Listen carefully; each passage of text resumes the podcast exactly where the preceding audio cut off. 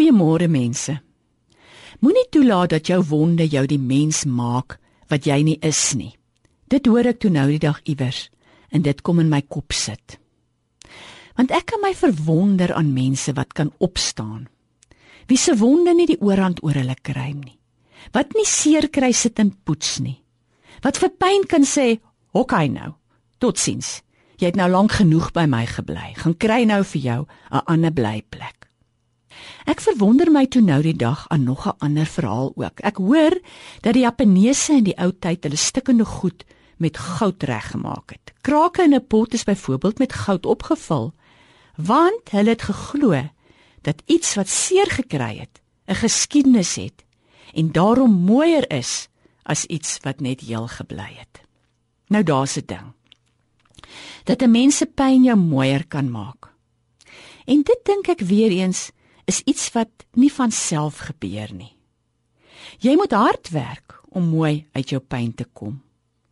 En ek dink jy kan dit doen deur jou te verwonder, te verwonder aan die skoonheid om jou wat jy nie sou raak gesien het as jy nie verwond was nie, as jy nie pyn gehad het nie, as jy nie seer gekry het nie.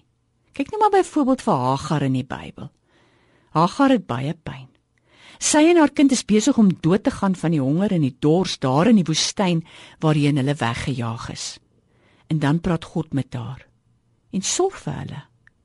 En Hagar verwonder haar aan God.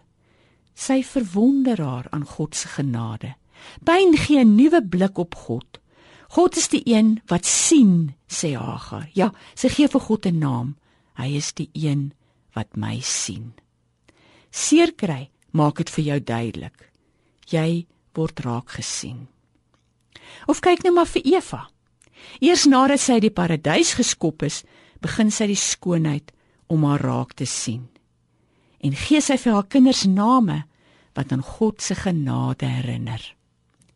Ja, dis iets waaraan ons ons vandag kan verwonder, hoe mense kan opstaan en hoe hulle uit hulle pyn sagter word en mensliker en meer bewus van God wat naby is en meer bewus van ander mense se pyn. En daarom kan ons ook nou bid, Here, laat ons heel deur hierdie dag kom. En as ons breek, laat ons die goud sien waarmee U ons heel maak en opvul. Help ons om ons te verwonder aan U genade, aan U heel maak en aan U opstanding. Amen.